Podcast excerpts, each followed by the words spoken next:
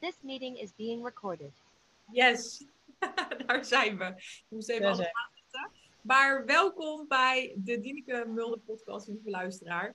Deze aflevering is een onderdeel van mijn serie Positief over negativiteit, waarin ik eh, vrouwen interview die een ehm, moeilijke ervaring hebben gehad rondom zwangerschap, bevallen of het moederschap. Dat is sowieso een hele grote transformatie natuurlijk. En daarin kan je van alles ook in jezelf tegenkomen.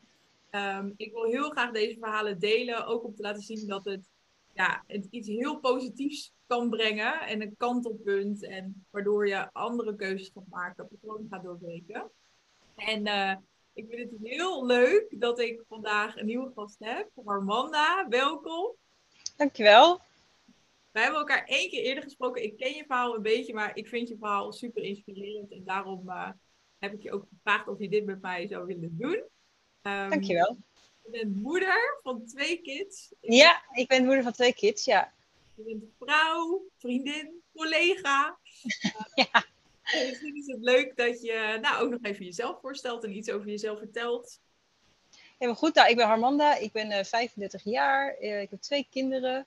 Eh, een jongetje van vier, Nout. En een meisje van zeven maanden, Smee. Ik ben getrouwd met René. Eh, wij zijn nu bijna tien jaar getrouwd van de zomer. En eh, ja, ik woon in Nunspeet. Verder ben ik ehm, kwaliteitsinspecteur en inkoopassistent bij Wekamp. Dat doe ik als eh, job. Ja, ja. En, eh, dus dat soort dingetjes. Leuk. Hey, en jouw leven is best wel veranderd. Volgens mij vooral sinds de geboorte van Nout, van je zoon. Ja, ja. En eh, Ja. nou, daar gaan we het ook over hebben vandaag, ook over je tweede bevalling.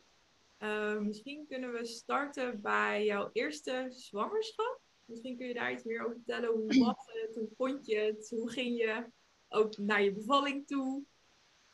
Nou, eh, ehm, ja, we- René en ik waren een tijdje samen en hebben erover nagedacht. Nou, wil je dan aan kinderen beginnen, kom je op zo'n punt.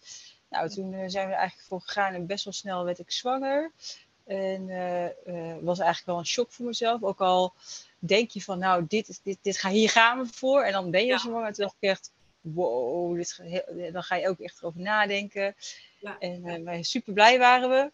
Nou, en de zwangerschap verliep eigenlijk super vlot. Ik had eigenlijk geen kwaaltjes. Ja, Dus mijn lichaam veranderde compleet.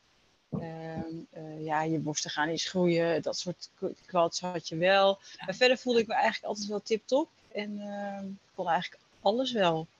En eh, het enige wat ik moest heel erg aan moest wennen, dat je hele lichaam verandert. Dus je buik wordt groter en eh, ehm, je borsten gaan groeien. je voelt en ik andere dingen in je lichaam. Dus ik vond het wel heel tof om dat gewoon te voelen. En elke keer ook langs de verloskundige te gaan. En dan ga je luisteren naar het hartje.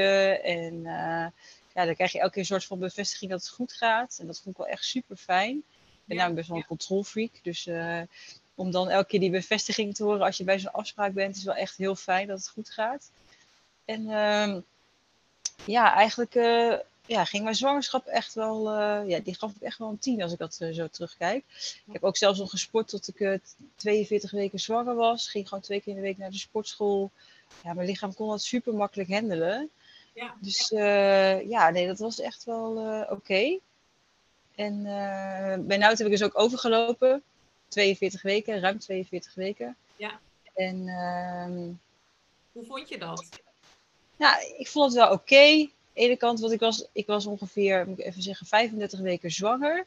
En toen Ja. zei de verloskundige ook tegen mij van, ja, besef je eigenlijk wel dat je in je laatste fase zit? En ben je eigenlijk wel bezig met het deel bevallen? Toen zei ik, ja, maar dat doet toch iedereen? Dus wa- wa- wat moet ik me daaraan voorbereiden? Nou, toen zei ze, ho, stop. Eh, je moet je daar echt wel aan, vo- aan gaan voorbereiden. Vooral het geestelijke deel, lichamelijk zul je dat heus wel trekken. Ja, Eh, Maar vooral geestelijk van eh, wat staat je te wachten, welke fases heb je. Dus toen zijn we eigenlijk René en ik last minute nog bij zo'n zwangerschapscursus gestart. En Want toen je dit gesprek had, toen was je 35 weken zwanger. ja, ongeveer ja. Of 31 of zo, ja. 31, Tussen de 31 en 35 weken denk ik zoiets. Oké. En daarvoor heb je, eh, want ik, nou ja, ik denk als je zwanger bent dat je, de, de, dat je nou, ja, tegenwoordig denk ik echt om de oren geslagen wordt met informatie en cursussen. Ja, en zo. Dus waarschijnlijk wa- wist je er wel vanaf, denk ik, dat, dat er cursussen waren. Ja, dat het was, dat wist ik zeker. Ja, ja. Maar ik dacht, ja, ik ben er helemaal geen type van. En ik dacht van ja, hoe meer je juist voorbereid bent, hoe ik dan weer ga plannen en hoe ik dan zeg maar een beeld erbij ga maken en hoe het zou moeten zijn. Ja. Dus ik dacht, laat ik dat nou eens gewoon niet doen. Laat Ja. ik maar gewoon eens in de flow gaan en het gewoon op me af laten komen. Ja. Eh, maar dat deed ik dus een beetje te veel. En eh, dus toen zei de verloskundige, ja, maar jij gaat vanuit dat je dat gewoon gaat doen.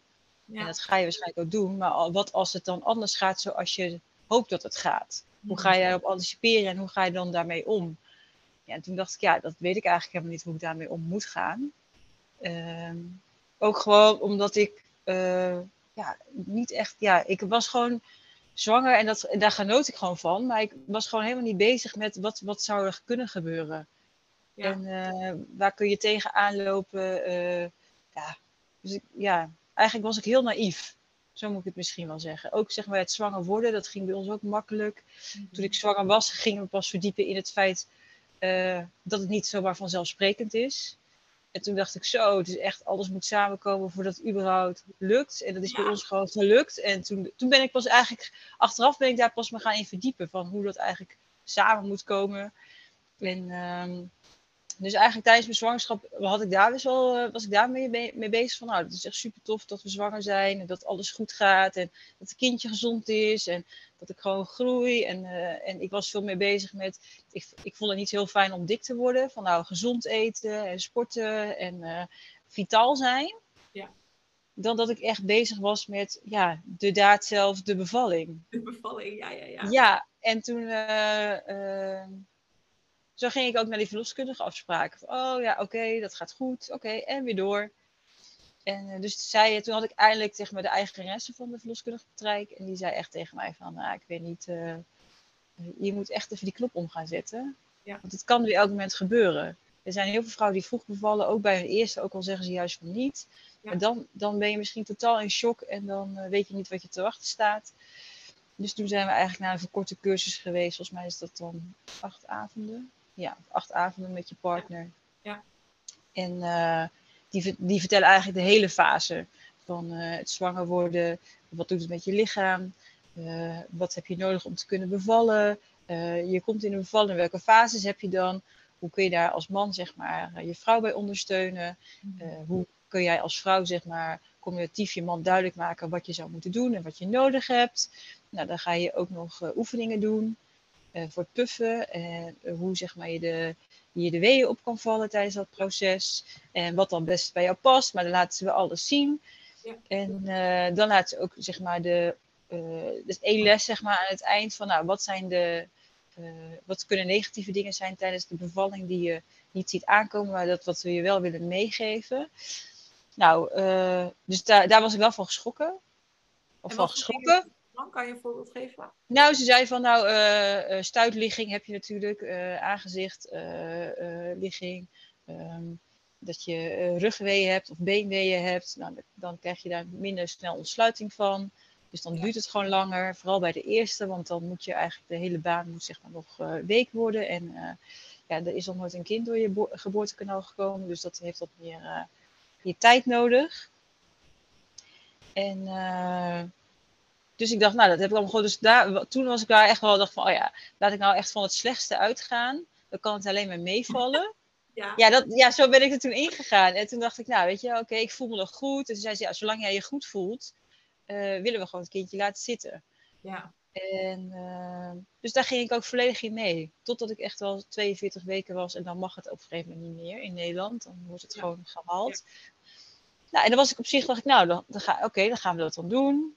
En ehm, dus ja, ik moest me melden in het ziekenhuis. Eerst gaan ze dan nog wel een paar dagen van tevoren proberen te strippen.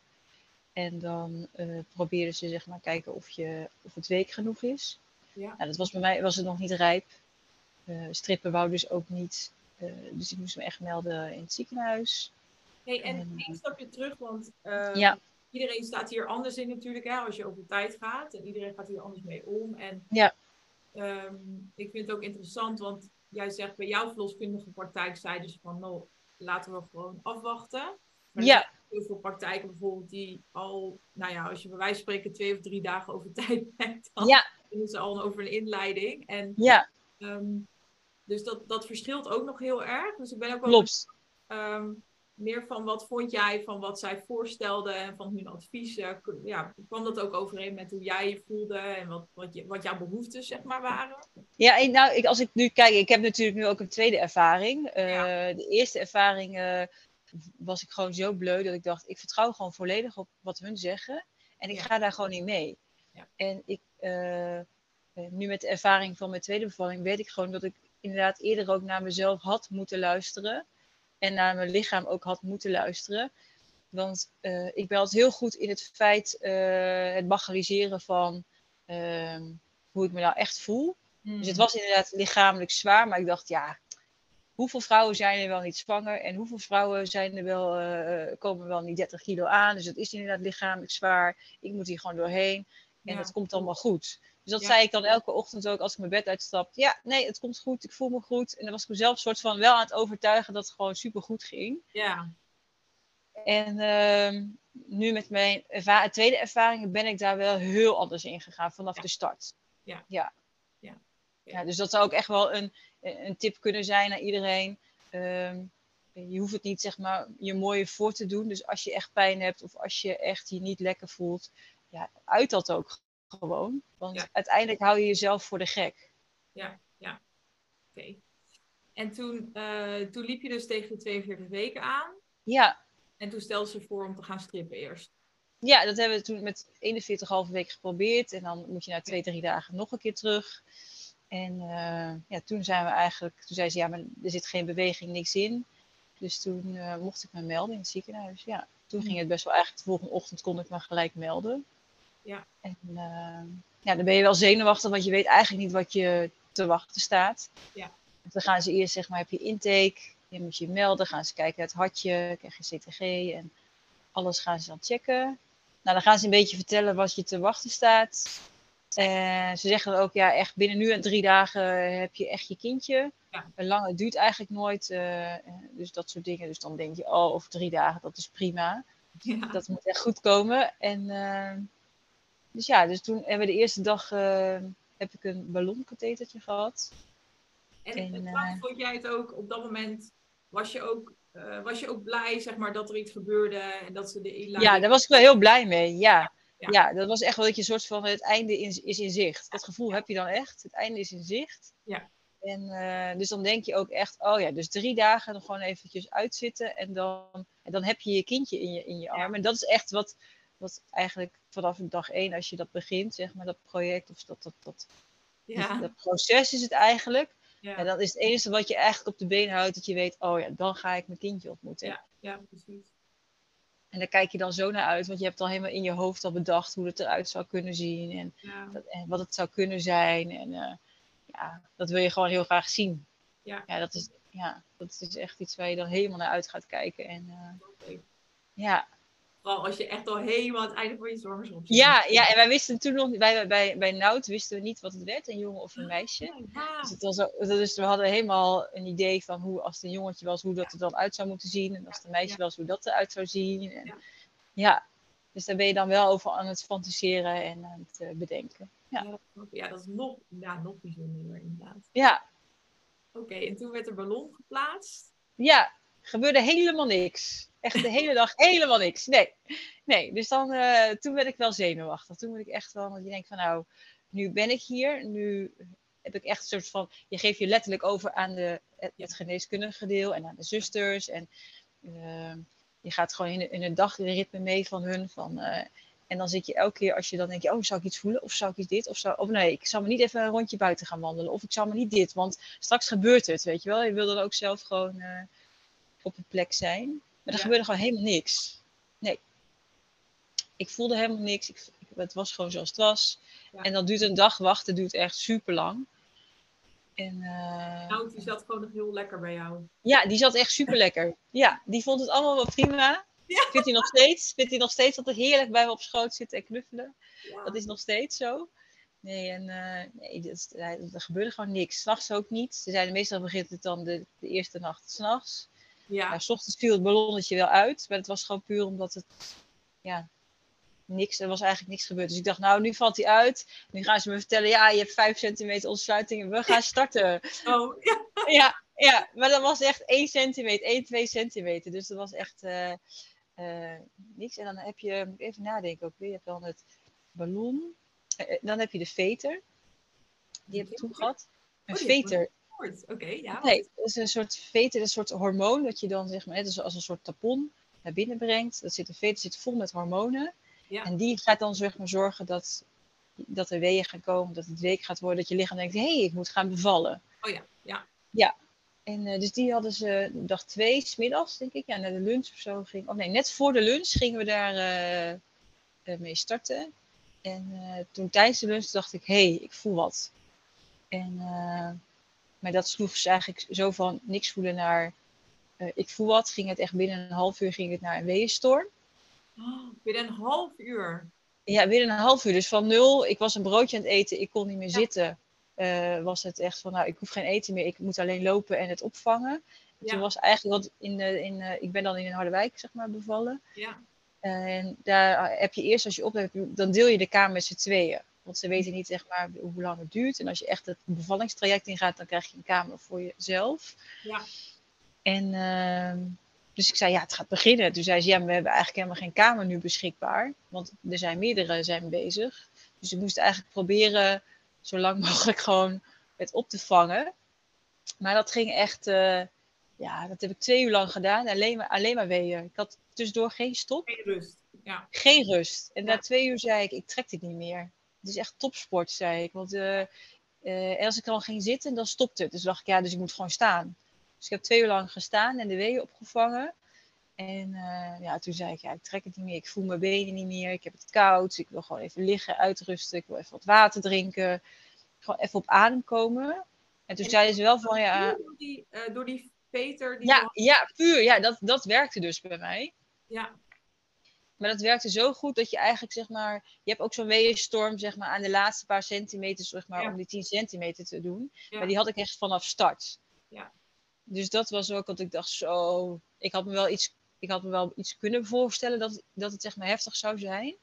maar, Maar dit was, nee, nee, ik, je, je verwacht van, oh, dat wordt opgebouwd, dat werd ook helemaal verteld, dat bouwen ze op. En op een gegeven moment denk je van, nou, daar ben ik. En dan ben je er ook helemaal klaar mee. Dus dan vind je het ook niet erg dat je zo'n weeënstorm krijgt. Want dan denk je alleen maar, het moet eruit, het moet eruit. Ja. Nou, dat, dat, dat hele opstartfase eh, heb ik eigenlijk bij de eerste bevalling niet gehad. Ja. Dus ik begon gelijk, zeg maar, in de, ja, in de storm. Zeg maar, in de... Ja. Toen dacht ik, nou oké, als dat het is, dan is het gewoon even twee volhouden. Dan krijg ik, als ik zolang ik maar ontsluiting krijg, Ja. dacht ik, dan is het prima. Dus toen gingen we naar twee, want ik zei, ik trek het niet meer. Van, eh, toen zei ik, het moet eruit. Ik wil gewoon even, even bijkomen. Toen zei ze, ja, als ik er nu uitga, dan kan het ook helemaal weer dat je op nul moet beginnen. Toen zei ik, maakt me niet uit, ik kan gewoon niet Want meer. die, die, dat, dat Peter heet het toch? Ja, ja. zat in jou. ja, die moet je dan zo lang mogelijk, want die zorgt ervoor dat, het, zeg maar, dat je die weeën krijgt. Ja. Niet mijn lichaam zelf deed dat. Nee, dat Ja, deed echt puur het ja. hormoon. Ja. Ja. En, en dat is ook, of weet je, of denk je ook achteraf dat dat dus ook echt de reden is dat het direct zo'n weeënstorm. eh, Dat denk ik wel. Dat mijn lichaam echt dacht van, hé, hey, wat gebeurt hier? Ik moet aan het werk. Maar ja, ja dus die is, die is een soort van wakker geschrokken. Ja. En die dacht, ik moet gelijk beginnen. En ik moet gelijk op volle bak. Ja, en uh, dus toen hebben we de veter uit. En toen inderdaad stortte dat helemaal in. En toen gingen we ook kijken, wat had het nou gedaan, die twee uur ontsluiting. Nou, dat had echt eigenlijk een halve centimeter of een centimeter had het maar gedaan, max. Ja. En toen dacht ik wel, toen, toen zakte wel even de moed echt in mijn, in mijn schoenen van, nou, ik ben nu al anderhalf, het was voor mij vijf uur s avonds al, voor de tweede dag al bezig. En ik heb nu echt drie centimeter ontsluiting. En waar gaat dit heen? Ja. En, uh, maar dat heb ik in mezelf wel gezegd, maar niet hardop gezegd. En uh, dus toen hebben ze me aan de apparatuur gelegd, want ze zeiden, ja, we moeten nu gewoon doorzetten. Ja. Uh, maar mijn lichaam zelf deed het dus niet. Dus toen moest ik weer aan de medicatie. En dan krijg je dus zeg maar hartfilmpjes. En ze gaan dan zeg maar uh, uh, ook zeg maar op het hoofdje van Nout gaan ze ook zeg maar kijken. En uh, volgens mij zitten daar ook een soort hartdingetje op. Ja, en dan omdat ze willen kijken van hoe hij op alles reageert. En ja, toen ben ik eigenlijk aan de infuus gegaan. En daar zat dan zeg maar de hormonen in. Ja, synthetische oxytocine. Ja. Ja. Ja, en uh, ja, toen begon het wel weer helemaal uh, gewoon weer gelijk. Mijn lichaam was ook gelijk, als het dan binnen ingediend kreeg, dan ging het ook gelijk weer in die weeënstorm. Hmm, ja. En, ehm, maar er gebeurde dus, door die weeënstorm gebeurde er eigenlijk lichamelijk niks. Mijn lichaam had niet het idee, ik moet zeg maar iets gaan doen. Hm. Die wist wel van, ik moet gaan weeën gaan produceren. En die weeën kreeg ik dus in mijn rug en in mijn benen, maar niet zeg maar in mijn buik. Ja. Waardoor zeg maar, ik wel gewoon de weeën op moest vangen, maar het gaf geen ontsluiting. Hey, En, even door, want jij zegt, eh, al een paar keer heb je het over, je lichaam wist niet zo goed of reageerde niet zo goed op, wist niet zo goed wat het moest doen. Ja, Hoe kijk je daar, zeg maar, in, met de bril van nu naar? Want dat is, dat is ook best wel... ja. nou, als ik kijk vanuit, als ik kijk vanuit na, net zeg maar na de bevalling, toen was ik echt heel boos op mezelf. Van, eh, Ja. teleurgesteld. En waarom, kan, waar- waarom ik dat dan niet kon? Ja, Iedereen kan het, maar ik kan het dus niet. En mijn lichaam kan dat dus ook niet. Ja. Dus daar was ik echt super teleurgesteld in. ja, En, eh, dus ik twijfelde na de bevalling van nou twijfelde ik echt aan alles. Mijn hele zelfvertrouwen was eigenlijk weg. En eh, eh, vond het heel moeilijk zeg maar, om echt weer terug te komen in wie ik was en waar ik voor stond. En eh, was daar heel erg zoekende in. Als ik nu kijk, terugkijk naar de, mijn tweede bevalling en eh, vanuit SME zijnde, ehm, ehm, merk ik gewoon dat wat ik had, daar had moeten doen, was gewoon voor mezelf op moeten komen en moeten ja, zeggen van ja, tot hier en niet verder. Mijn lichaam werkt niet. Jullie willen iets doen wat eigenlijk mijn lichaam zegt, ho, stop, stop, stop. ja, Eh, dit kan niet. Laten we even met z'n allen centraal zijn. Wat is nou het plan? Waar wil je me naartoe brengen? En waar voel ik mij goed bij? Ja. Waar voel Ja. ik mij veilig? En ehm, dat was zeg maar, dat, dat is wat je vanuit de tweede bevalling, wat je daar naartoe gaat, dat je dat denkt, oh ja, dat, dat moet echt Ja. centraal staan. Ik vind het heel Ja. mooi dat je dat zegt, want eh, voor mij is dit heel herkenbaar. En eh, ook in het begin, ik vond echt dat mijn lichaam had gefaald. En inmiddels kijk ik daar heel anders eh, naar. Eigenlijk hetzelfde ook wat jij zegt. Wat ik heel interessant vind, is dat na zo'n ervaring, je hebt altijd een beetje zo het beeld van dat eh, de, eigenlijk de medische interventies heel slim zijn, heel intelligent. En dat als jouw lichaam daar dan niet op reageert zoals zou moeten of zou verwachten, dat je lichaam dan ehm, ja, niet zo heel slim is. Of heeft gefaald, weet je wel. En Ja. daar ben ik dan heel kritisch over. Terwijl inmiddels denk ik bijna, ja, eigenlijk is het andersom. Eigenlijk is, is je lichaam, en niet dat die interventies niet werken, want ik denk ook in heel veel situaties is het wel net wat je nodig hebt. Alleen Precies, ja. ik denk in heel veel situaties dat als het niet gaat zoals we hopen of denken dat het zou moeten gaan, is het denk ik juist tegenovergesteld dat je lichaam eigenlijk super slim en intelligent is en eigenlijk zegt van ja, ho eens even. Ja, en dat is dan iets waar je dan niet na- naar hebt geluisterd, terwijl je eigenlijk geeft je lichaam alle signalen af. Ja, van hé, hey, dit is niet zoals het hoort. ja, heel mooi. Ja, dat klopt. Want als ik daar echt op terugkijk, dan heeft het vanaf het eerste moment, heeft mijn lichaam al gezegd van ja, wat hun allemaal van plan zijn, dat, Dat gaat niet werken, jongens. dat gaat niet werken. En dat mijn hoofd het e- eigenlijk al wist. Ja, En dat je dan, dan nog niet zeg maar de connectie hebt met je lichaam. Van, eh, Ja. Dat je daar leert naar luisteren eigenlijk, dat is het een Ja. beetje. ja, Dan eh, wat ik heb gedaan, dus dan spreek ik, ik heb dus vertrouwen. Dus toen ik heb zeg maar heel mijn alles aan hun gegeven. Ja. Van hun moeten dat weten, want hun doen dat allemaal. Ja. Eh, ik heb eigenlijk dit nog nooit gedaan, dus ik vertrouw volledig op hun. En ik heb mezelf eigenlijk daardoor in uitgezet. wat heel logisch is. Hè? Ik heb dat ook gedaan. Dus, eh, maar ik vind het Ja. ja, ik vind het, dat vind ik mooi aan dit soort gesprekken. Dat je dat zo op, ook op een andere manier kan kijken. Ja, We gaan weer terug in je verhaal. Eh, je kreeg het oxytocine-infuus. ja.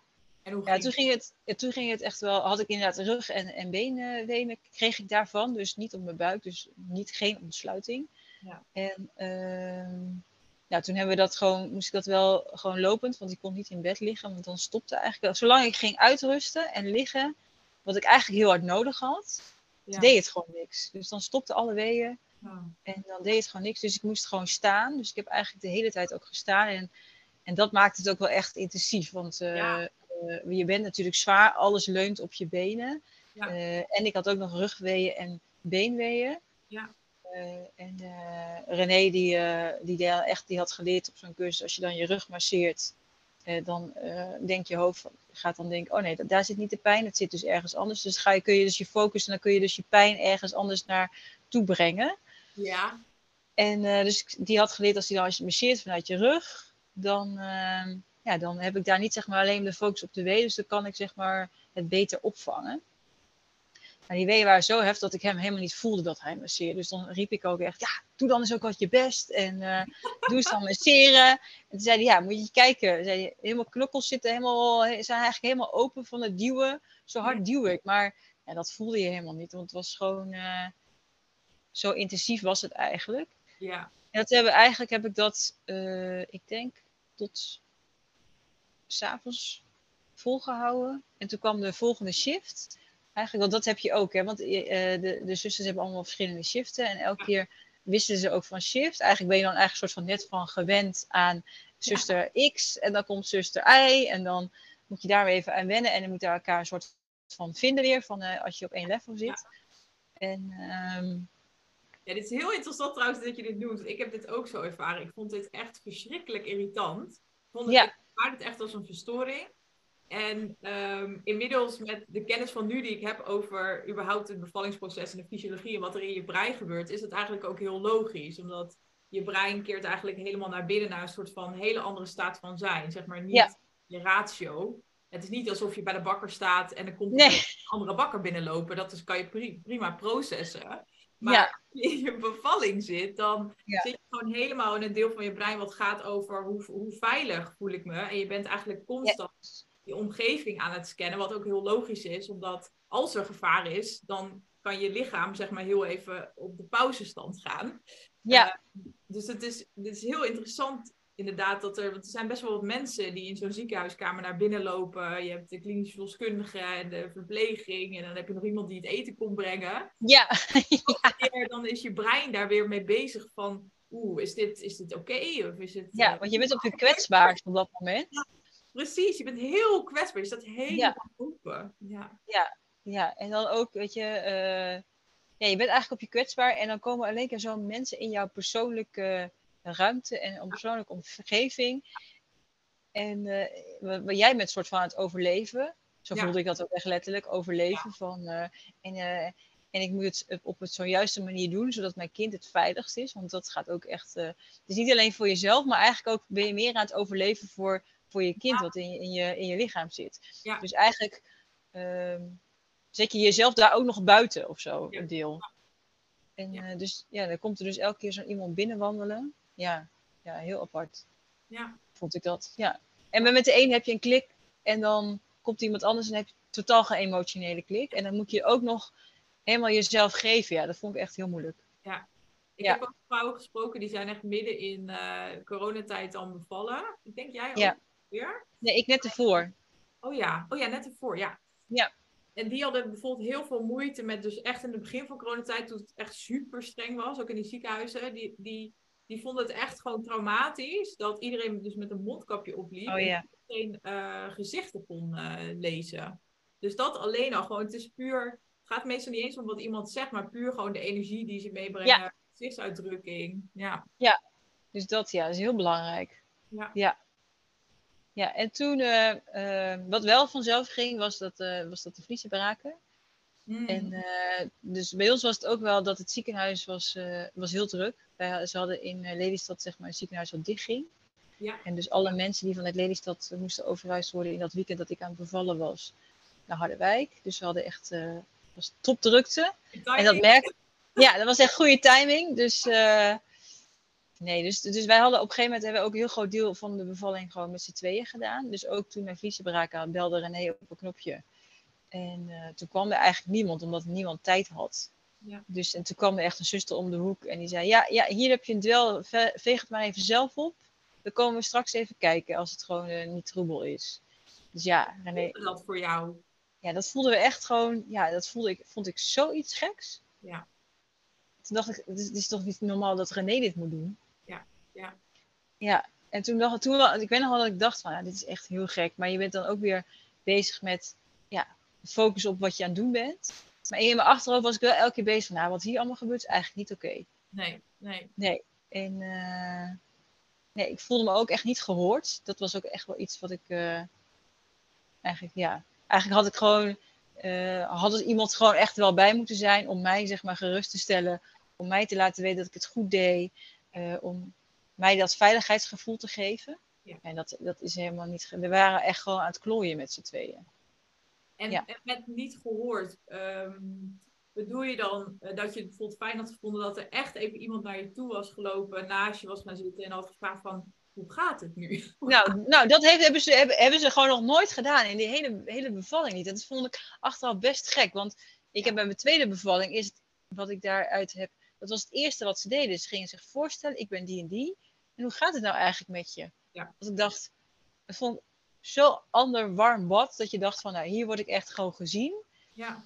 En toen durfde ik ook gewoon alles te zeggen, alles mee te delen, hoe ik me echt voelde en wat ik nodig had. En ja, daar was het gewoon even om het hoekje de deurtje open. Ja, gaat het goed? Oké, joh. En ze luisterden geen eens naar het antwoord en ze gingen alweer door. Ja, ja. En ik denk ook niet dat het, zeg maar, in het begin ben ik daar dus heel boos over geweest. Van, Ja. Hoe kan nou iemand, zeg maar, die zo'n baan heeft of die zo'n baan uitvoert, Ja.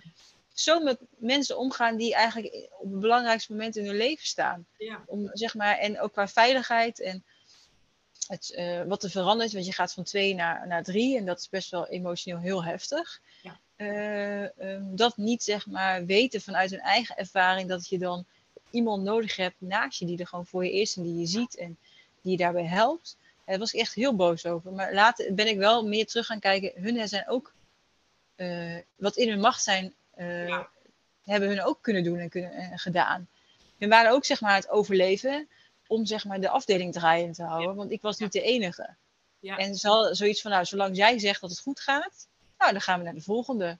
Ja. En daar ligt ook wel iets waar, ehm, waar ik zeg maar deels van niet in heb gevald, maar gewoon, eh, ik zie het niet als falen, maar gewoon, ik had gewoon eh, het anders moeten benaderen en moeten gewoon boos moeten worden of moeten zeggen van, hé, hey, dit is echt niet oké. Ik heb, he- heb wel iemand naast mijn bed nodig en ik heb wel iemand nodig die me daarbij begeleidt, want ik heb geen idee wat ik aan het doen ben. Ja. Ja, ja, heel mooi en heel herkenbaar. En ik vind het ook ehm, interessant wat je zegt over dat tijdens je tweede bevalling, dat dat dus wel werd gedaan eh, door het zorgpersoneel. En dat je ook zegt van, en daardoor durfde ik ook, of kon ik ook eh, open zijn en kwetsbaar zijn en, en eh, gewoon mijn behoeftes aangeven. Ja. Dus, dus aan de ene kant is dat iets super positiefs, denk ik, dat je dan ehm, ja, bijna even het geluk hebt dat iemand dat wel doet. ja, En dat diegene jou dan onbewust een soort van. Dat jij voelt van: oké, ik heb toestemming om. Ja. Ja, ja, dat je gewoon even connectie met, met elkaar in de ogen aankijkt. En dat, dat je dan Ja. denkt, oh ja, zij heeft mij gezien. Zij weet wie ik ben. Ja. En ik kan dus nu gewoon ja, mezelf zijn en dat ook gewoon uiten wat ik voel en denk. Ja. En aan de ene kant, want dat had ik ook, ben, ben je dan heel boos van waarom heeft niemand dat gedaan? En wat ik het mooi vind van dat proces, want als je die boosheid wat meer. eh, en die boosheid hoeft natuurlijk niet helemaal. ehm, ja, ik zeg altijd, je kan en die boosheid voelen, of die, die mag je ook voelen, maar je kan eh, daarnaast denk ik ook dus naar jezelf kijken, want dat uiteindelijk op lange termijn dient die boosheid je niet. Terwijl dat proces van naar binnen gaan en gaan kijken van ja, wat speelde er nou eigenlijk bij mij?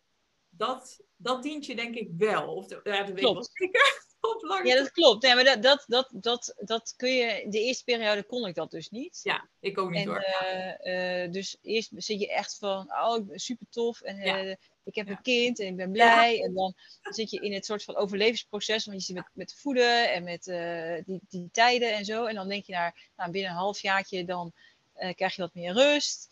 En Ja. dan, eh, dan ben je ook maar weer aan het werk en dan ga je daar een soort van je balans in vinden. En toen dacht ik van, hé, hey, maar hoe kan het nou dan zijn dat ik me nog steeds niet goed voel? Ja. Terwijl alles loopt. Nou, het is een makkelijk kind. Hij slaapt gewoon de nachten door. Mijn werk gaat gewoon prima. Maar ik voel nog steeds niet connected met mezelf wie ik voor Nout was. En ehm, ja, ik was echt heel onzeker. Ik ging ook aan René vragen hoe ik dan dingen moest doen. Of hoe ik hoe ik met Nout om moest gaan. Dat ik dacht, dat zou ik echt daarvoor echt nooit hebben gedaan. Ja. Dan zou ik echt vanuit mijn moederinstinct gewoon naar, me, ja, naar wat, wat die inspreekt en wat die vertelt, daar zou ik dan naar luisteren. Maar dat Ja. durfde ik gewoon niet. Ja. Ja.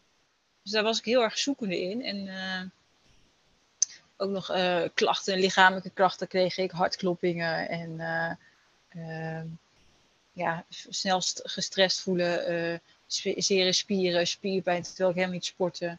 Ja. En, eh, dus, eh, en veel hoofdpijn. Dus toen ben ik uiteindelijk gewoon naar de, naar de fysio gegaan. Dat dacht oh ja, die moet gewoon zorgen dat mijn nek en mijn rug open is. En dan kan ik weer verder. Ja, zo, ja, zo, ja, zo pragmatisch denk je gewoon. Weet je, je denkt helemaal niet, Ja. de, de laag eronder dacht ik helemaal niet over na. Want als ik dat hoor, zeg maar hoofdpijn, spierpijn, eh, dan even met, gewoon met mijn boerenverstand. Volgens Mhm. mij is je lichaam dan gewoon constant aangespannen eigenlijk, toch? Ja, die stond continu aan. Ja. Ja, precies, een soort van op de hoede van wat ik toen zeg maar in het ziekenhuis heb gedaan, is overleef, overleven en aanstaan. Zeg maar een soort van je instinct, eh, ik moet mijn kroos beschermen, ik moet mezelf beschermen. Dat is, is eigenlijk daarna nooit meer uitgegaan.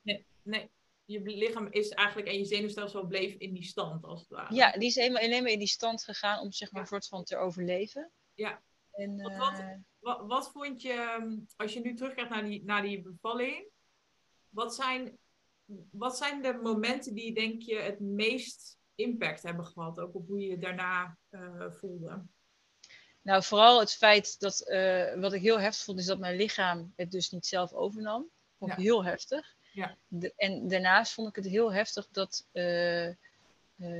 uiteindelijk heb ik dus die tien, ja, ik heb eigenlijk, uiteindelijk heb ik 8,5 centimeter ontsluiting ge- gehaald. Ja. En de rest heeft de verloskundige echt losgefrikt. En dat was niet heel fijn, maar dat moest gewoon omdat eh eh Nout eh, moest er gewoon uit, het duurde anders te lang.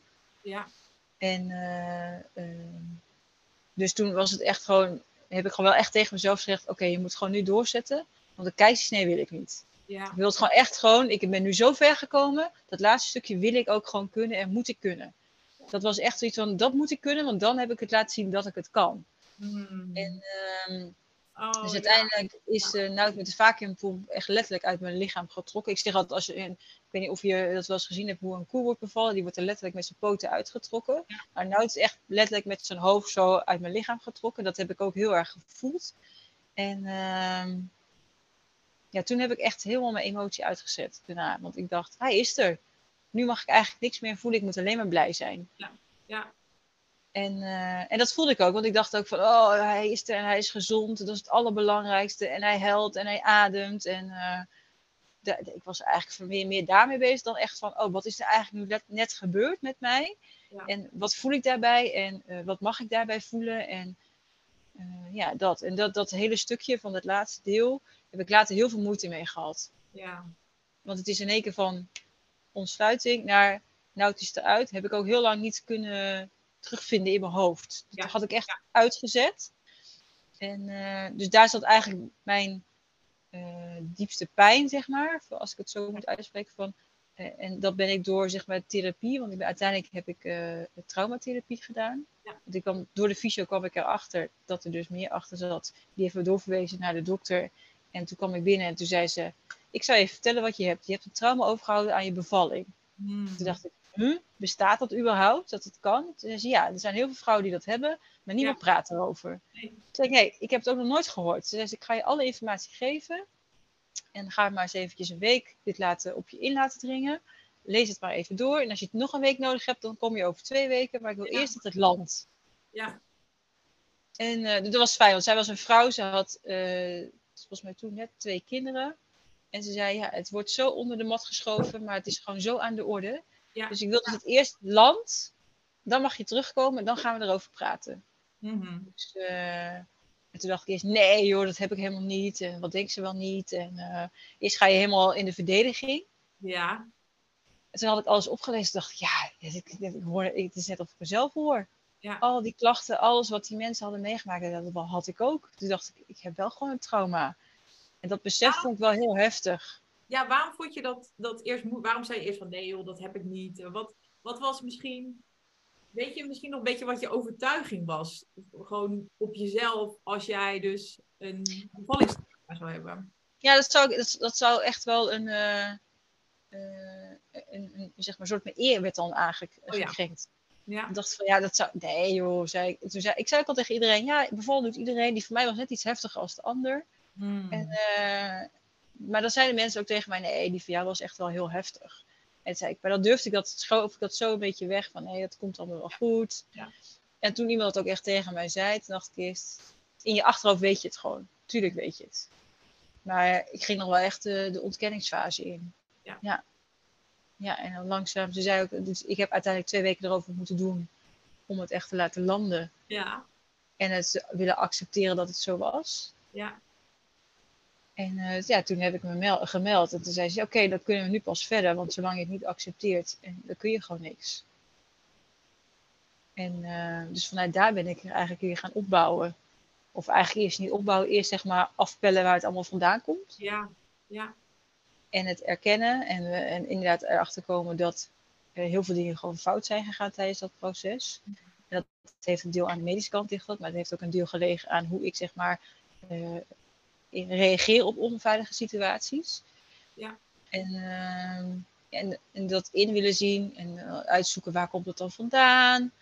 En dan echt helemaal terug, terug, terug, terug. Ja.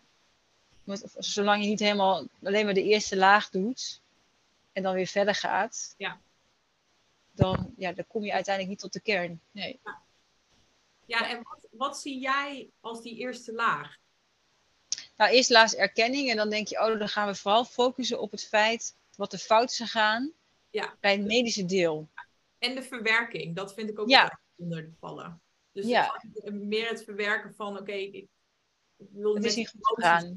Ja, precies. ja, en dan eh, heb je dat gedaan en denk je, ja, Ja. maar ik voel me nog steeds niet oké. Mhm. Dat heeft uiteindelijk nog steeds niet opgelost eh, waar ik zou willen zijn. Ja. En eh, dus heb ik eerst nog, denk ik, ben toen meer me- naar mijn lichaam gaan luisteren. Eh, ontspanningscoach ben ik gaan doen, want ik kon niet ontspannen, want ik stond elke keer aan. Ja. En dus toen ben ik eigenlijk die kant eerst op gegaan. En eh, vooral bezig geweest op lichamelijk vlak. Eh, en toen heb ik dat gedaan, maar toch had ik nog altijd die onrust in me. Dat ik dus altijd aanstond. Ja. En eh, toen hebben ze eigenlijk voorgesteld om EMDR te gaan doen. Om echt helemaal dat hele, de hele bevalling nog een keer te herleven. Ja. Dat dacht ik eerst van, nou, dat wil ik helemaal niet. Ik heb het nu al zo vaak besproken en zo vaak gedaan. Het was ook alweer bijna anderhalf jaar verder Mhm. naar Nout. En, maar ik, toen ben ik eerst gewoon heen gegaan. Het ging ze gewoon vragen stellen. Nou, toen gaan we nu ook starten. en ik weet nog wel dat ik, dat ik dat helemaal had ervaren. En dat ik toen ook dingen, weer dat laatste deel van namelijk heb gezien. Hoe dat is gegaan. Want ik dacht dat ik helemaal alleen was. Maar Ja. op dat moment was er dus wel een zuster die echt voor mij zorgde. Maar ik kon dat helemaal niet meer zien. Ik wist dat niet meer. Ik kon dat niet zien. En dus het was voor mij wel heel mooi om dat nog een keer te mogen herbeleven. Ja. En dan ook alles zien. Niet alleen vanuit mijn kant, maar ook van de artsenkant. En alles zo eh, mee te krijgen. Ja. En dat heeft me wel toen zachter gemaakt naar de wetenschap en naar de Ja. Ja. En ehm, maar ja, dan heb je dat verwerkt en dan zit er toch nog zo'n trigger van ja, ik ga het dus nooit, nog een keer nooit meer doen, want ik heb dit nu helemaal ervaren. Ja. Dit ga ik niet nog een keer doen. Nee, Ja. dus, dan, ehm, dus dan heb je inderdaad het verwerkingsproces, dan heb je, ben je wat milder en denk je oké, dat gaat dan goed. Maar dan blijft er toch nog iets van ja, en dan nu? Ja. En, ehm, en want in mijn achterhoofd heb ik altijd wel een groot gezin gewild. Ja. Maar ehm na Nout heb ik altijd gezegd, nee, nooit meer. Er komt nooit meer iemand eh, in het ziekenhuis aan mijn lichaam. Ja, ja. En ik wil dat gewoon niet. Ja. Dus dan ga je daar met z'n tweeën hebben we daarover gehad van ja, weet je, eh, is dat dan de enige reden waarom je het niet zou doen? Ja. Ja, en da, da, da- daar ben je dan over, de ene keer zeg je ja, de andere keer zeg je nee.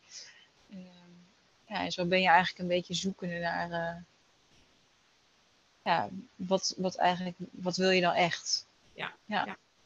Want waar, als je dacht zeg maar aan een tweede bevalling, waar zag je het allermeest tegenop? Tegen de hele bevalling aan zich. Mhm. En eh, ik dacht, ja, de zwangerschap, dat, heb, dat kan ik, dat is allemaal Ja. prima. Een kindje uiteindelijk grootbrengen, dat gaat ook allemaal prima. Maar Ja. het stukje daartussen, zeg maar, vanaf de 39 weken, Ja. na de bevalling. En dat, dat, dat, als dat, dat heb ik ook gezegd, als dat niet meer hoeft, dan zou ik wel tien kinderen willen. ja, precies. Ja. Ja. Ja, ja, ik teken hier ook voor. ja, ja, ja. ja, en dan zei iedereen, ja, maar dat is juist de mooiste ervaring die ik heb gehad. Toen dacht ik, ja, eh.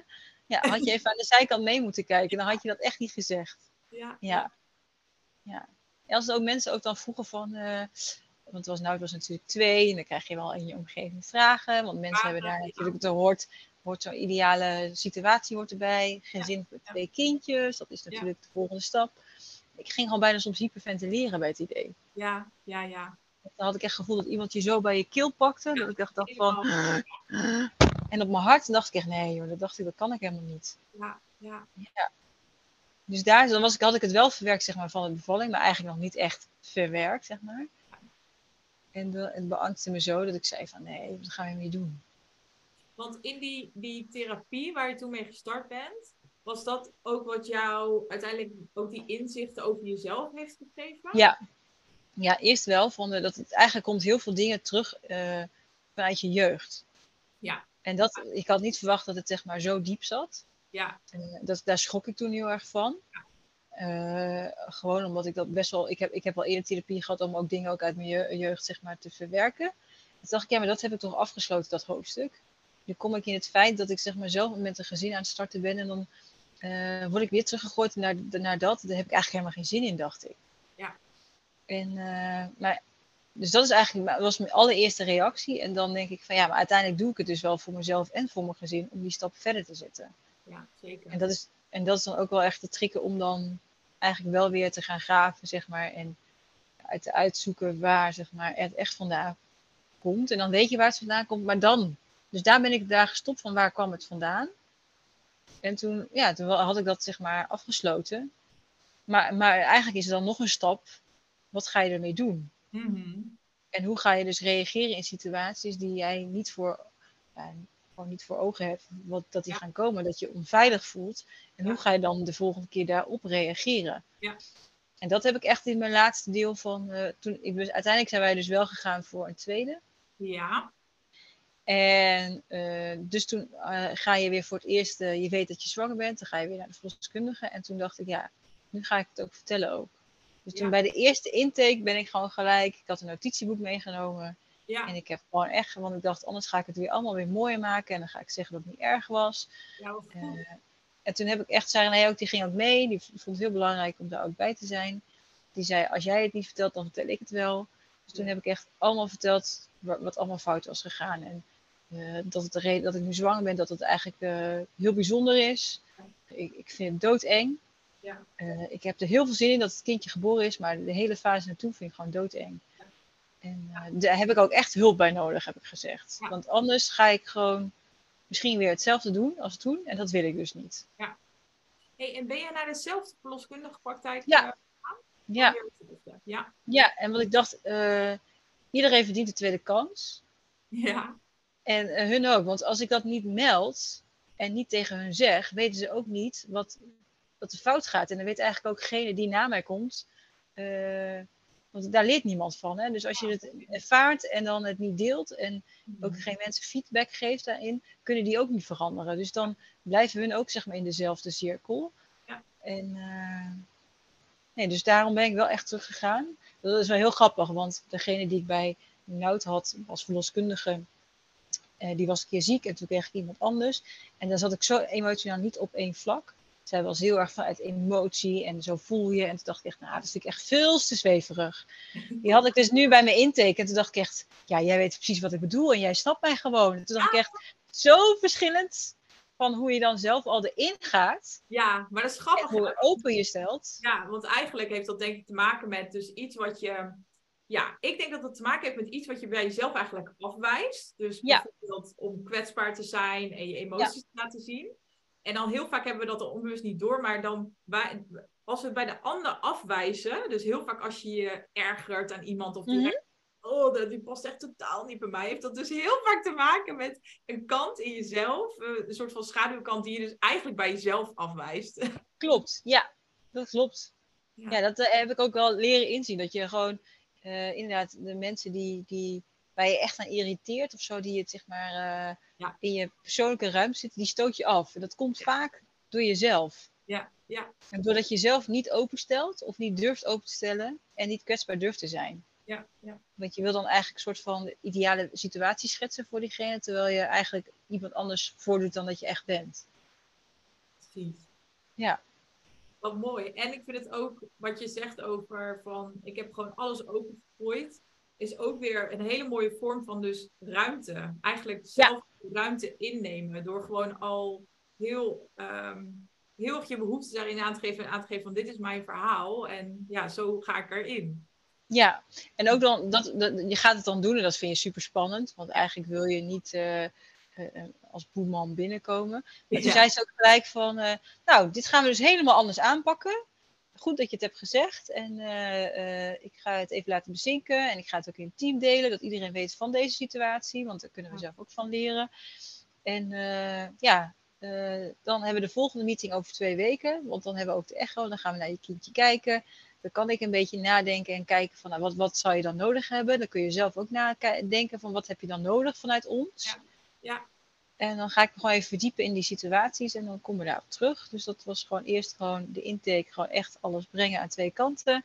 Het laten bezinken en dan weer opnieuw terug. Dat heb ik ook echt wel geleerd. Dat je gewoon eerst alle informatie ook gewoon moet laten bezinken.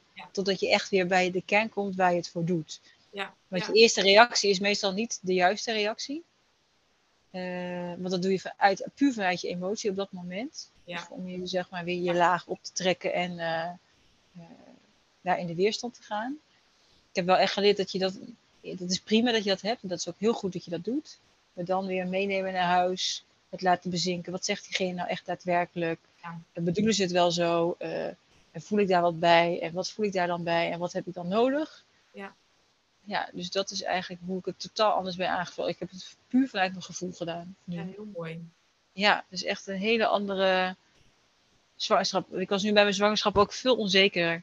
Want ik was veel meer bewust van het feit wat er allemaal wel niet verkeerd zou kunnen gaan. Ja. ja. Dus ik was ook veel zachtaardiger voor mezelf. Dus ik gaf ook als mijn lichaam moe was, gaf ik daar ook aan toe. Ja. Dus ik heb het ook heel anders nu aangevlogen. Ja, ja veel bewuster eigenlijk. Ja, ja, ja. mooi. Ja. En, wat en dan uh, heb je nog gekregen? Uh, uiteindelijk kwam de verloskundige met uh, de POP heet dat. Een, dat zit bij ons in de buurt in Zwolle. Dat is een organisatie die eigenlijk ook bevalling, mensen met een trauma be begeleidt tijdens hun bevalling. Dat kan eigenlijk in, in elke divisie zijn. bijvoorbeeld het moeilijk zwanger worden, miskramen, maar ook het, met de bevalling het trauma. Ja. En, uh, of een soort van depressiviteit wat om de hoek komt kijken, waar, wat je hebt als vrouw, maar je wilt toch kinderen krijgen. En dan kunnen ze daar, ze begeleiden eigenlijk alles. Ja. En uh, dat uh, doen ze door een verloskundige. het is in het ziekenhuis. Dus je ziet ook gelijk het ziekenhuis waar je gaat bevallen. Daarnaast hebben ze ook fysio, ze hebben haptomie. EMDR uh, en al dat soort. Eigenlijk hebben ze gewoon het hele facet. Dus het lichamelijke deel en het geestelijke deel wordt eigenlijk meegenomen. Dus dat was echt wel een nieuwe, iets nieuws voor mij. Ik wist ook niet dat het bestond. En uh, ik vond het wel heel spannend hoor. Want uh, voor je gevoel vond ik mezelf niet zo zielig dat ik het echt nodig had. Of ik vond, Ja. ik vond eigenlijk dat ik het niet had verdiend, zeg maar. Nog. Oh ja. Dat ik al die hulp verdiende, Oh. terwijl eh, achteraf denk ik, ik heb alles verdiend. Maar ja. Maar is in het begin- een overtuiging hè, die je dan hebt Ja. over jezelf. Dat je denkt van, ja, maar bij mij is het niet erg genoeg om deze hulp. precies, dat, dat denk je echt. Ja. Ja. En eh, dus thuis hebben we het over gehad. En toen zei ik, ja, ik moet dit doen, want ik wil het nu anders doen dan anders. Dus ik ga alle hulp die, ik ga, die ze aan gaan bieden, ga ik gewoon aanpakken. Maar, ja. En, eh, dus dat heb ik ook echt gedaan. Dus toen heb ik me gemeld in, eh, in Zwolle. En ehm, ja, dan gaan ze gewoon voorstellen, wat wil je dan? Dus ik zei, nou, ik zou graag wel haptomie willen, want ik, wil, ik moet heel erg leren naar mijn innerlijke zelf en naar mijn lichaam te luisteren. Dat vind ik soms lastig. En eh EMDR heb ik gedaan. En ook gewoon het deel wat er nog zat, zeg maar, eh, te verzachten eigenlijk van, Ja. de, van het trauma wat ik had. En, ehm, dus dat was wel heel mooi. En haptomie vind ik echt, dat zou je eigenlijk standaard bij je zwangerschap eh, Ja. moeten aangeboden moeten Ja. worden. Ja. Want het is puur eh, je lichaam voelen. Want dat heeft eigenlijk alles te maken met het klaarmaken voor je bevalling. Ja. Ja. En eh, dus het, het gevoel hebben naar je lichaam, het gevoel naar je kind. Waar waar doe je het voor? Waarom luister je naar je lichaam? Want je kind heeft dat nodig om de beste moeder te zijn. Ja, ik vond het, ja, ik dacht eerst heel zwevig, maar ik vond het zoiets moois. Ja, je zet, het zette mij echt eh, elke twee weken weer op het punt van, ja, waar doe ik het voor? En voor wie doe ik het? Ik doe het voor mezelf. Dus het was echt wel, eh, ja, eh, ook gewoon hoe, hoe die persoon zo liefdevol en ook zo hard doorheen prikte als ik weer hard voor mezelf was. Ja. En, ja. Hey, en ik weet nog uit ons, uit, we hebben één keer eerder met elkaar gepraat en dit is erg bij. Ja. Dat je volgens mij ook met deze vrouw hebt geoefend om je uit te kunnen spreken, dacht ik. ja, dat deed ik met EMDR. Dan ga je eerst zeg maar weer de, kijken waar zitten nog de scherpe punten tijdens het bevallingsproces. En eh, daar was ik nog inderdaad nog steeds boos op de medici. Ja. En eh, toen zei ze, nou, maar heb je dat ooit wel eens getoond dan? Toen zei ik, nee, dat heb ik eigenlijk nog nooit gedaan. Toen zei ze, nou, ga maar staan. En toen moest ik gaan staan en dan moest ik gewoon gaan schelden en Ja. boos worden op, op diegene die me eigenlijk heeft laten zitten. En ik ben eigenlijk helemaal niet zo'n persoon, want dan denk ik, ja, diegene heeft echt goed... Ik zeg, je bent iedereen aan het verdedigen. Hou daar eens mee op. Ze hebben Ja. gewoon ook gewoon een steek laten vallen. En dat mag ook gewoon gezegd worden. En zeg het maar even tegen diegene. Ja. En toen ging ik eerst nog heel braaf. En toen zei ze, nee, ik wil dat je gaat schelden en dat je echt boos wordt. Dus het moet echt, echt puur vanuit je tenen moet het gaan komen waarom je boos bent. En, en eh, dat ze eigenlijk gewoon een kutwijf is. Want ze heeft jou niet gezien en zeg dat ook maar. En toen, Ja. En toen ik dat had gedaan, dacht ik echt, oh, dat, dat lucht eigenlijk echt zo op. Dus echt die, die woede wat er eigenlijk nog zit, mocht er allemaal uitgooien. En toen zei ze ook na die tijd, ja, niet dat je dat straks gaat doen, maar als je dit al zou doen en je zou de helft er al van doen, dan Ja. doe je al meer dat je de vorige keer gedaan hebt. Ja. En het was gewoon meer om mij uit mijn comfortzone te krijgen, om er ja, voor mezelf op te komen eigenlijk. Ik vind het zo tof dat, dat zij dit toen voorstellen dat jij dit uiteindelijk hebt gedaan. Want ik, ik, dit is echt zo mijn waarheid. Dat ik denk, heel vaak focussen op meer rationeel bedenken van. En ook de informatie die dan wordt gedeeld van. En dan, dan moet je voor jezelf opkomen. En dat gaan we dan in ons hoofd bedenken van, oh ja, dan moet ik voor mezelf opkomen bijvoorbeeld. Maar ik denk dat dat pas. ehm, dat dat pas echt lukt uiteindelijk als je het echt kan voelen, als je het kan ervaren. En, ik, en volgens mij is dat zo fijn als je dat gewoon al een keer in een veilige omgeving hebt kunnen oefenen. Dat het al veel meer, dat je het echt kan voelen en daar comfortabeler mee wordt of zo. Ja, klopt. Dat is ook echt zo. Want ik dacht ook later van, eh, of tijdens zeg maar dat ik aan het bevallen was van Esme, onze dochter, Ja. eh, had ik ook zo'n moment dat ik het even niet meer wist. Ja. Je, dat, dat- maar dat heeft elke vrouw. Dat, dat, dat, dat, dat zijn ook dingen die zij mij heeft geleerd. Ik moest ook tien vrouwen gaan interviewen die een normale bevalling hadden gehad. Oh, wat goed. Ja. ja. En zei ze, want eh, wat jij, dat jij je eenzaam hebt gevoeld, of dat je het even niet weet, dat heeft elke vrouw tijdens dat hele Ja. proces. Ja. Jij bent daar niet de enige in. Ja. Het is alleen, hoe ga je daarmee om? Ga je daarmee om? En hoe, en hoe uit je dat? Ja. Dus dat was voor mij. eh, Dus ik heb inderdaad vriendinnen, maar ook collega's gevraagd hoe dat dan was. En Oh, iedereen zit in dezelfde fase en op hetzelfde moment dat hij hulp nodig heeft. Het is alleen hoe ga je dat overbrengen? En het was voor mij zo'n eye-opener. Ik dacht, oh, ik ben helemaal niet helemaal apart. Of ik ben helemaal niet heel gek. Of ik, ik, Ja. ik ben gewoon ook gewoon net zoals hun allemaal. Ja. Is alleen, eh, bij hun is het anders uitgepakt dan het bij mij uitgepakt is. Ja. En, ehm, Ja, dit vind ik echt een mooie. Want uiteindelijk, kijk, dat is, ik zeg het heel vaak in mijn eigen podcast, wat we gewoon, waar we ons vaak niet bewust van zijn als we aan een eerste bevalling beginnen, is dat je jezelf meeneemt in de bevalling. Dus inderdaad, er zijn verschillende elementen die waarschijnlijk in elke bevalling voorkomen. Maar hoe jij, wat jouw gevormde patronen en overtuigingen over jezelf zijn, dus gevormde patronen vanuit je kindertijd en Ja. overtuigingen over jezelf. Dus bijvoorbeeld, ik mag niet, ik wil niet te veel zijn voor anderen. Dat neem je uiteindelijk mee in het proces. En dat bepaalt heel erg inderdaad hoe jij dan op zo'n moment met ehm, onzekerheid of, of het gevoel van eenzaamheid omgaat.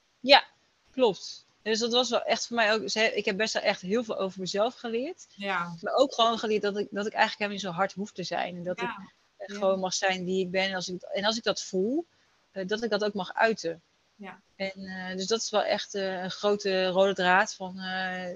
de he- het hele proces. Ja. Dus ik heb ze heeft me echt wel. ja, en ik moest dan ook omschrijven hoe zou mijn ideale situatie dan uitzien tijdens zo'n bevalling. Ja. En ehm, dat gingen we ook bespreken. En toen zei ze ook, dat vond ik ook, want ik wist toen dat ik zwanger was van een, eh, een, een meisje, dus ik zou een dochter krijgen. En toen zei ze ook tegen mij, wat zou je je dochter dan meegeven als die dan zwanger wordt? Ben je Ja. dan ook zo hard voor dat ze dan het Ja. niet mag voelen? En eh, zou je dan ook tegen haar zeggen, als ze het niet goed doet, als ze een keizersnee zou aangaan, dat ze dan ook gevald heeft? Toen zei ik, nee, nee, tuurlijk niet, zei ik. Want ja, nee. Toen zei ze, maar waarom doe je het dan voor jezelf? Ja. Dus echt allemaal van die ja, grote spiegels of zo, die dan één keer uit de grond omhoog ploppen. Ja. En die dan laten jou zien van, ja, ja, waarom doe je dit eigenlijk? Ja. Ja, Heel mooi. Ja. Hey, richting het einde van het gesprek, want dat was het heel lang. Maar nog twee dingen. Hoe kijk je uiteindelijk terug op je tweede bevalling? Dat is als Ja. eerste ben ik heel benieuwd naar. Mijn tweede bevalling was echt eh, zoiets magisch. Ja. Ik was natuurlijk, eh, ik heb, ben natuurlijk nu ongeveer vier jaar lang eh, heb ik daar naartoe ge- ge- geleefd en verwerkt en zo. En eh, eh, dat was gewoon, ja, het ging zo eigenlijk zoals het in het boekje zou moeten gaan. Zo ging het. En het was ook, het kwam ook, en dat kwam ook omdat ik er anders in ging. Ja, Ik ging daar open in. Ik ging daarin en ik had hulp nodig. En de meiden die daar waren, en ik was bij de popkliniek. En eh, Ja. ehm, die kwamen dan binnen. Die zeiden, ik ben die en die. Ik heb je verhaal gelezen. Wat jammer dat je zo'n ervaring hebt gehad. Maar we gaan het nu anders doen.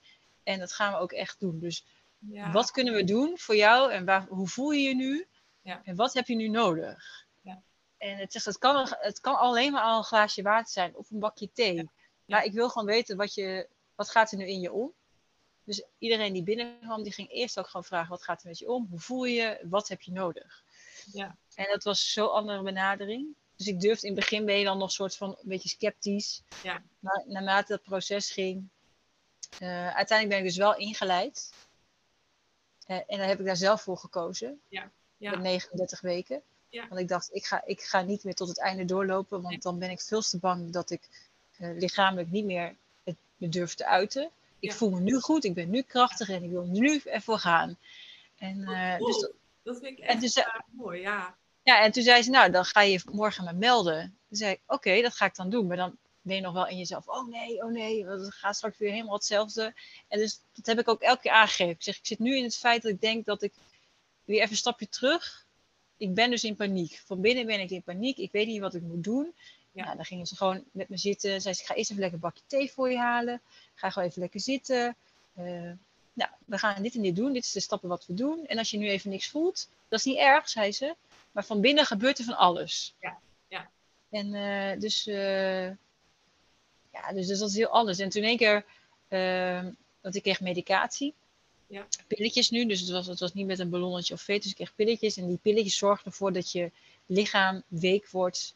En dat Ja. hij denkt van nou, de, de hormonen moeten gaan, de, zeg maar de weeën moeten gaan starten. En dan hopen ze dat, er zaten ze zoveel tijd tussen het ene pilletje en het andere pilletje, dat je lichaam ook de ruimte krijgt om het zelf Ja. op te gaan pakken. Ja. Dus dat was al een hele andere benadering dan ik gewend was. Ja, de eerste dag gebeurde er natuurlijk weer helemaal niks. Dus dan Ja. ga je weer terug. Dan zit je weer voor je gevoel weer in het moment van in het ziekenhuis, in een ander ziekenhuis, wat je toen ook had. En dat heb ik dus wel gezegd van ja, ik heb het gevoel dat ik gewoon weer helemaal Ja. weg heb. Dat ik niet meer dat durf, niet meer zo krachtig ben. Nou, dan gingen we gewoon echt oefeningen doen. Ademoefeningen en eh, luister naar jezelf. Leg je handen op je buik. Voel het kindje. Waarvoor doe je het ook alweer? Ja, en, en dan is gewoon, ja, ja, ik zie dat je er weer bent. Want dan was ik ook weer helemaal met mijn ogen. Als ik dan, ja, Ja. bizar hoe we het dan zien. Want dan dwaal je gewoon af. En dan ben je niet meer scherp. Ja. En eh, dus op een gegeven moment kreeg ik harde buiken. En eh, toen dacht ik, oh, dat, dat gaat dus wel beginnen. Dus oké, het werkt. En eh, eigenlijk de tweede avond, nee, de eerste avond, s'nachts begon het eigenlijk al. Ik kreeg dus weeën en toen heb ik ook op de bel geduwd. En eh, toen zei ik, ja, ik heb het gevoel dat ik weeën krijg. Toen zei ze, nou, dat gaan wij dan even testen. Toen zei ze, maak even lekker een warme kruik voor je. En dan eh, zo'n pittenzak op je buik. Zegt ze, dat helpt zo lekker. En dan eh, kun je het gewoon lekker wegpuffen. En lig je lekker. En gingen ze weer thee voor je zetten. Ja, het was gewoon echt ja, heel anders. Ja, Ja, en, en daardoor kon ik die weeën. Ik was ook echt ontspannen. En het grappige is, als je dus ontspant, kun je dat echt zoveel Ja, beter opvangen. ja. Ik ging er dus gewoon niet met mijn lichaam er tegenin, maar ik ging er ik omarmde dat gewoon en, Ja. en ging dat ook, eh, ja. En s ochtends kwam de verloskundige nog een keer kijken en toen zei ze, ja, ik denk dat het heel hard gaat nu. Eh, bij de tweede gaat het sowieso harder en dan denk je, ja, je bent gewoon altijd op je hoede. Dat gaat niet veranderen, maar eh, de manier alleen hoe je ermee omgaat verandert. Ja, ja. Dus zei ze, ga lekker douchen, daar word je lekker ontspannen van. Dus dat heb ik gedaan en toen was het echt, ging het zo hard. Ja. En toen zei ze, nou kom onder de douche vandaan. Droog je, hebben ze ook echt, helpen ze ook mee lekker mee afdrogen. Nou, en toen eh, zei ze, nou we gaan er nu echt, gaan we er gewoon voor. Ik ga even voelen. En toen zei ze, nou ik denk dat, dat je er gewoon klaar voor bent. Dus we gaan gewoon starten. Toen dacht ik echt, huh? starten. Het kan helemaal niet. Om, om, zeg maar, om, om drie uur s'nachts had ik mijn eerste wee. En het was nu, denk ik, negen uur s ochtends. En we gingen starten. dacht ik echt, dat kan helemaal niet, joh. En toen zei ze, ja, je hebt waarschijnlijk nu heel veel persdrang. Ik wil dat je gewoon langzaam en heel voorzichtig mee gaat persen. Toen dacht ik, ja, dat kan toch helemaal niet. Dat moet je toch tegenhouden. Dat zie je overal. Zei ze, nee, we gaan het gewoon, als je gewoon meedoet, dan ga je dus naar de volgende fase, zei ze. En dan ga je gewoon zorgen dat zij langzaam door het kanaal gaat en op jouw tempo en op jouw gevoel. Nou, dat was zoiets moois. En uh, op een gegeven moment had ik het wel even dat ik dacht van oeh, nu krijg je die weeënstorm. En toen zei René, was heel mooi, die had gelezen dat je zo'n morfinepopje kan krijgen. Mhm. Dus dan kun je zeg maar echt de ruggen prikken, zo uh, wou ik eigenlijk niet. Toen zei ze, ja, maar wat, is, wat maakt het nou uit? Doe het dan gewoon als het echt weer gaat zoals de vorige keer. En toen zei René, nee, maar we gaan wel een morfinepompje doen.